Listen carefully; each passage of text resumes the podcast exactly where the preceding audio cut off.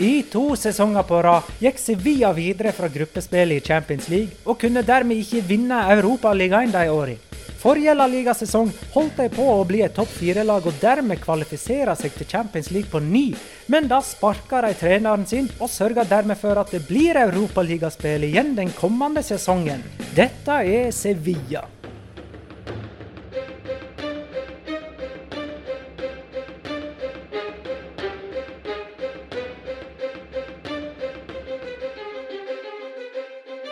Hei. Dette er vår eh, altså La Liga Locas 17. spesialepisode av 20 spesialepisoder. Der eh, den kommende La Liga-sesongens lag blir gjennomgått episode for episode. Og nå Sevilla. Hva forbinder Jonas Giæver først og fremst med Sevilla? Y es por eso que hoy vengo a verte, sevillista seré hasta la muerte. Det er det jeg forbinder med Sevilla. Kanskje den flotteste hymnen uh, i spansk fotball. Uh, ja, kan vi ikke si det sånn? Da, da kan jo jeg nevne Sevilla-derbyet da, mot uh, Real Betis. for Real Betis har òg en ganske kul hymne, i alle fall en kul hymnetradisjon. Det går i a cappella der òg. Så uh, de Sevilla-derbyene, de er fine. Petter? Jeg tenker faktisk på Monchi, jeg. Sportsdirektøren. Fordi, um, i motsetning til deg, Magnar, jeg elsker overgangsvinduet. Rykter, spekulasjoner, offisielle bekreftelser. Eh, og han eh, har gjort en formidabel jobb med å bygge Sevilla som klubb. Han tok jo over når de var, lå nede med brukket rygg i Segunda. Eh, og har jo vært med på å bygge økonomien, kjøpe sånn kort fortalt å kjøpe billig og selge dyrt. Selvfølgelig ikke med alt, det finnes noen bomkjøp her og der. Eh, og denne sommeren så har han liksom hatt en sånn eh, gang i det. At han eh, seint en kveld møter opp enten på San Paulo, som er flyplassen, eller Santa Hosta, som er togstasjonen, og tar imot en spiller som tar den medisinske testen på eh, morgen, som blir presentert på formiddagen. Og da kommenterer han rykter på nye spillere som er på vei inn, og sier at ja, nå begynner det å nærme seg. Og på kvelden så er det ut på flyplassen eller til togstasjonen og henter en ny mann. Og sånn har det gått. Og de har henta, og de har henta, og de har henta. Jeg har lyst til å nevne én ting til som jeg forbinder med Sevilla. hvis jeg kan få lov. Det er Antonio Puerta, som eh, døde Var det i 2007? Jeg mener det var i 2007 at uh, han uh, omkom. Og det, det, er klart uh, Real Betis har mest av aktive spillere. Uh, Mikkel Roque, var ikke det? Og um, Español med Dani Harken. Men det var litt spesielt med Puerta, for det at det skjedde faktisk på direktesendt fjernsyn. Eh, for han kollapsa i en kamp. Jeg lurer på om det var Chetaffe, jeg husker ikke eh, presist. Men han kollapsa altså i en kamp. Jeg mener det var Andreas Runesson som kommenterte den kampen. Han kom seg på føttene igjen og sprang sjøl for egne føtter i garderoben, men kollapsa der òg og ble meldt død offisielt dagen etter. Og det er jo en eh, ja, nummer 16 for uh, Sevilla, uh, som jo er et spesielt nummer der, da. Eh, men eh, du Jonas, kan jo fortelle litt mer om Sevilla klubb og by? Ja, slik som eh, Real Betis så holder de til i Sevilla, byen Sevilla, i Andalusia, sør i Spania. Varmt og godt, lidenskapelig fortsatt. Det er ikke en klubb som er royal, som man sier. altså De har ikke noen forbindelse til, til, kongen av Spania. Men de ble stiftet så tidlig som i 1890. Det er noe som er blitt godkjent av det spanske fotballforbund, Uefa, Fifa osv. Så, videre, så det gjør dem til en av de eldre klubbene i eh, La Liga. Hjemmebanen deres er Ramón Sánchez Pijuan. den huser 43 883. Eh, det skal være nummer ti i La Liga hva angår størrelse. De vant uh, La Liga sist i 1945-1946. Det er for så vidt også den eneste gangen de har vunnet uh, La Liga. Uh, men de vant Copa del Rey så sent som i 2010. De har vært i La Liga siden 2001-2002. Hvordan kommer man seg til Ramón Sánchez Pijuan? Eh, for hvordan man kommer seg til byen Sevilla, så henviser jeg til eh, episoden om Real Betis, som er deres eh, byrival og erkefiende. Stadion ligger ganske midt i byen, rent geografisk. Litt øst, om man zoomer inn. Gangavstand fra togstasjonen Santa Rosta det er bare 5-10 minutter å gå. 30 minutter fra Plaza de Spania, hvis det er utgangspunktet ditt. Treningsfeltet heter Ciudad Deportivo José Ramón Cisneros Palacios, eh, oppkalt etter en eh, tidligere president i klubben. Det ligger litt sørøst for byen, ca. 15-20 minutters kjøretur. Kan skyte inn, og jeg glemte å si det, at de har jo også vunnet da Europa League fem ganger, som er rekord i den turneringen. Senest i 2015-2016-sesongen. Som var tredje på rad. Yeah. Så det har jo liksom vært deres turnering, da. I denne serien her så pleier vi å velge ut eh, vår ene, eh, hver vår personlighet vi forbinder med den aktuelle klubben på et eller annet vis. Jeg mener det er Petter som begynner nå, så take it away. Det er helt riktig, og det er Antonio Puerta, som vi allerede har snakka litt om. Og det som gjør det ekstra spesielt for min del, som gjør at jeg husker det ekstra godt, det var at i likhet med deg, Magna, så satt jeg jo og så denne kampen med Andreas Runesson som eh, kommentator attpåtil på 20-årsdagen min. Uh, og dette var òg dagen da uh, Märtha Louise Nei, Mette-Marit og kronprins Haakon gifta seg, så det var mye som skjedde den dagen. Eh, og det er jo selvfølgelig noe tragisk. Og når det da eh, Altså, det, du har jo liksom den historien om at eh, kona var jo gravid, var seks måneder på vei. Uh, og hans sønn er jo nå på vei opp og fram i uh, Sevilla sitt ungdomsakademi. Og så skjedde det jo ikke noe lignende, men Sevilla mista jo òg et et bysbarn og en spiller som kom fra egen avdeling tidligere i år, i form av José Antonio Reyes, som døde i bilulykka. Så det er liksom det slag på slag i så måte for den klubben der. og Eh, det var mot Retafe, som du sa. Et Retafe-lag som de hadde slått i Copa del Rey-finalen bare to måneder i forveien. Og Antonio Puerta skulle jo være den spanske landslagsbekken venstrebekken de neste ti årene. For sjøl da Spania vant EM i 2008 og VM i 2010 og EM i 2012 Riktignok ikke like mye i EM 2012, for da var Jordi Alba kommet fram. Men i EM 2008 og VM i 2010 så snakker alltid folk om at de gjorde det til tross for at de ikke hadde noe venstreback. For det skulle være Antonio Puerta. Noe som kanskje gjør Juan Capdevilla til en av de mest undervurderte Europa- og VM-mesterne med Spania, for øvrig. Eh, Jonas, din eh, del av triangelet? Ja, nei, jeg har valgt samme mann, jeg. Eh, Antonio Puerta. Og uh, egentlig alt det, det Petter sa, jeg trenger ikke å repetere det, men, men det, det, satt veldig med meg å se dette, for jeg så den kampen her, jeg også, selvfølgelig. Um, og jeg så den uh, med moren min. Og Nei, jeg husker Det, det satte en støkk i meg å se det. For at man skjønte med en gang at det var noe galt, og så så det ut som det gikk bra. Og, og så fikk man rapporten etterpå om at uh, han hadde kollapset på ny, og så tok det vel noen dager før uh, han faktisk døde. Men, men de øyeblikkene der, liksom også se det at moren min ikke helt skjønte hva som foregikk, hun heller. Altså som en ung gutt så så jeg alltid moren min for liksom få et par svar på vet, Har du sett noe lignende. Og jeg hadde aldri sett det, hun heller.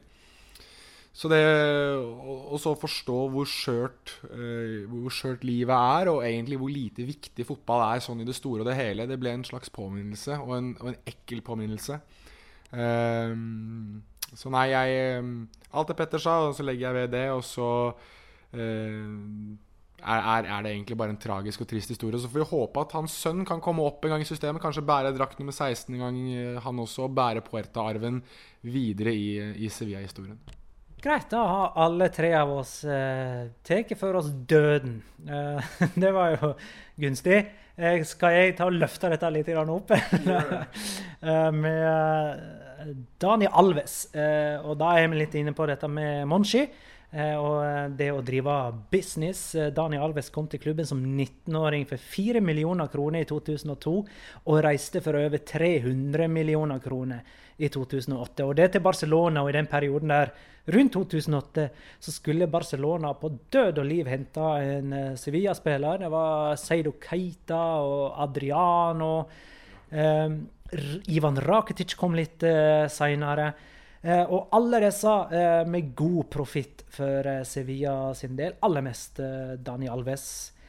Og ehm, det blir på en måte både et symbol på Sevillas sterke rekruttering og evner de har hatt til å få spillere til å øke i verdi, men òg et bilde på hva det medfører av svingninger. svingninger. Det, Sevilla har ikke hatt en høyreback i nærheten av det nivået. Og akkurat nå så er det jo en omskulert Jesus Navas som spiller høyre back for uh, Sevilla. Så det koster litt òg, det å tjene penger, så store penger på spillere. For man kan ikke hente inn igjen spillere for det, det, de samme summene de selger, virker det som. OK, hva tror vi om uh, tidenes dyreste Sevilla-spillere? Vi tror ikke noe om det. Det vet vi. Han kom denne sommeren her og blir jo veldig spennende å følge. Jules Condé. Eh, som ble henta fra eh, fransk fotball denne sesongen. Eh, og det er jo egentlig litt sånn i tida at han blir den dyreste Sevilla-spilleren. For de har aldri gjort det som byrivalen gjorde. vi snakka om Betis og Dean Nilsson i en tidligere episode, der de satsa alt på at det skulle gi de gull og grønne skoger. Sevilla har rammer som de forholder seg til, som de aldri går utenfor, men som øker med litt og litt for hver eneste sommer etter hvert som overgangsmarkedet øker i takt og det kommer mer penger inn i klubben osv.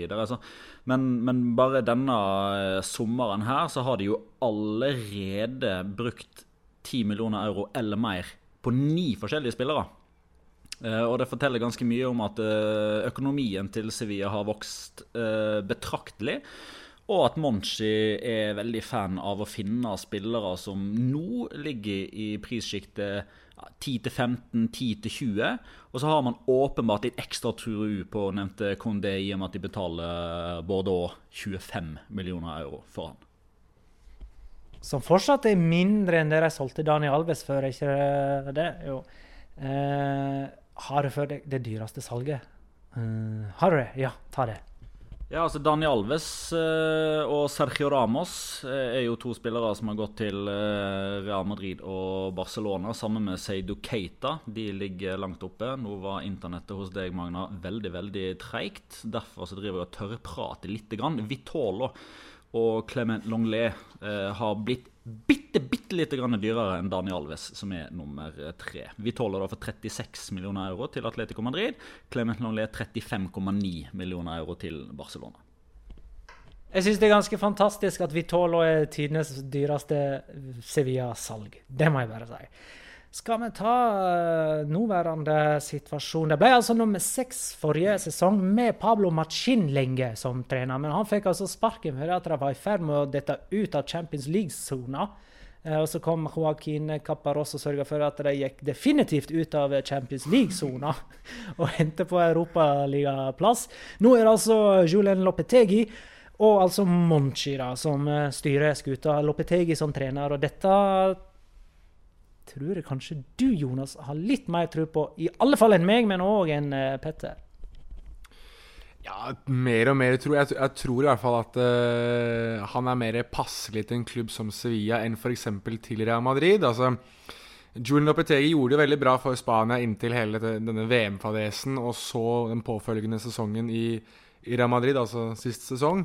Uh, Julian Lopetegi slår meg heller som en, en, type som skal slå litt nedenfra og opp, enn å være en som slår ovenfra og ned, i hvert fall i klubbsammenheng. Altså, man så litt eh, konturene av det også i Porto, der han slet med å eh, være sjef i en portugisisk storklubb også, og, og, få det til å fungere, fungere optimalt sett. Så, men jeg, jeg tror i Sevilla så har han Eh, en klubb der forventningene ikke er like store som de ville vært i en Barcelona, Real Madrid, Atletico Madrid, kanskje til og med også Valencia. Men, eh, men, samtidig så er det en klubb som har nok midler og eh, nok kvalitet at han kan få i gang sitt, sitt spill. En 4-3-3, possession-orientert, som man sier på godt norsk. så jeg, jeg synes, altså Jeg sier ikke at det er hånd i hanske, men det er ikke helt OJ-hånd i hanske heller. Uh, så dette her er uh... OJ sin hånd i hanske, det var sånn at hånda var mye større enn hansken. Så det, det, var ikke en hånd i hanske. Det er det jeg sier. Det er ikke helt OJ hånd i hanske heller. Altså, det det det, så det passer bedre? Det er bedre hånd i hanske dette her enn OJ? Det er helt riktig, okay. Magnar. Uh, du, må ikke, du, du, må, du må skal få lov til å tenke litt igjennom disse eksemplene mine. Husk at vi nå har spilt gjennom snart 17 episoder på en ettermiddag. Uansett. Det er jeg, jeg jeg tror det blir, eh, det blir eh, ikke noe dårligere enn i fjor, i hvert fall.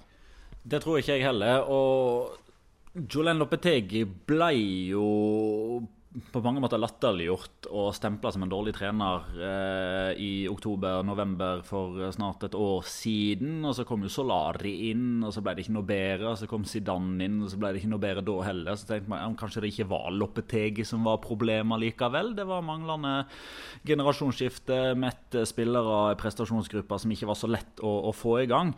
Akkurat hvis det var det som var problemet, eh, så bør ikke det være problemet i det hele tatt for Sevilla sin del. For her er det mange nye spillere som kommer inn, som skal kjempe om en, ny, eh, skal kjempe om en, eh, en plass i elveren. Men det blir jo, som det alltid blir da med Sevilla, en del spørsmål.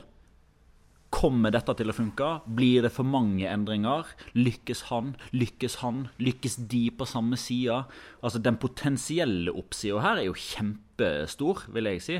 Sergio Regilon, det han viste for Real Madrid, han var jo et av få lystegn man snakka om uh, våren for et år siden. Kondé, hvis Monchi velger å bruke 25 millioner euro på han, så ligger det et stort potensial der. Um, Jean Jordan, kjempegod for Eibar forrige sesong. Lucas Ocampos har driter ut Neymar. altså På sitt beste så er han kjempegod. Oliver Torres, alle husker hvor god han var. Han blir gjenforent med Lopetegi fra tida i Porto. Luke de Jong, toppskårer i Eredivisie, Moanes Dabour. De to skårer til sammen 70-80 mål.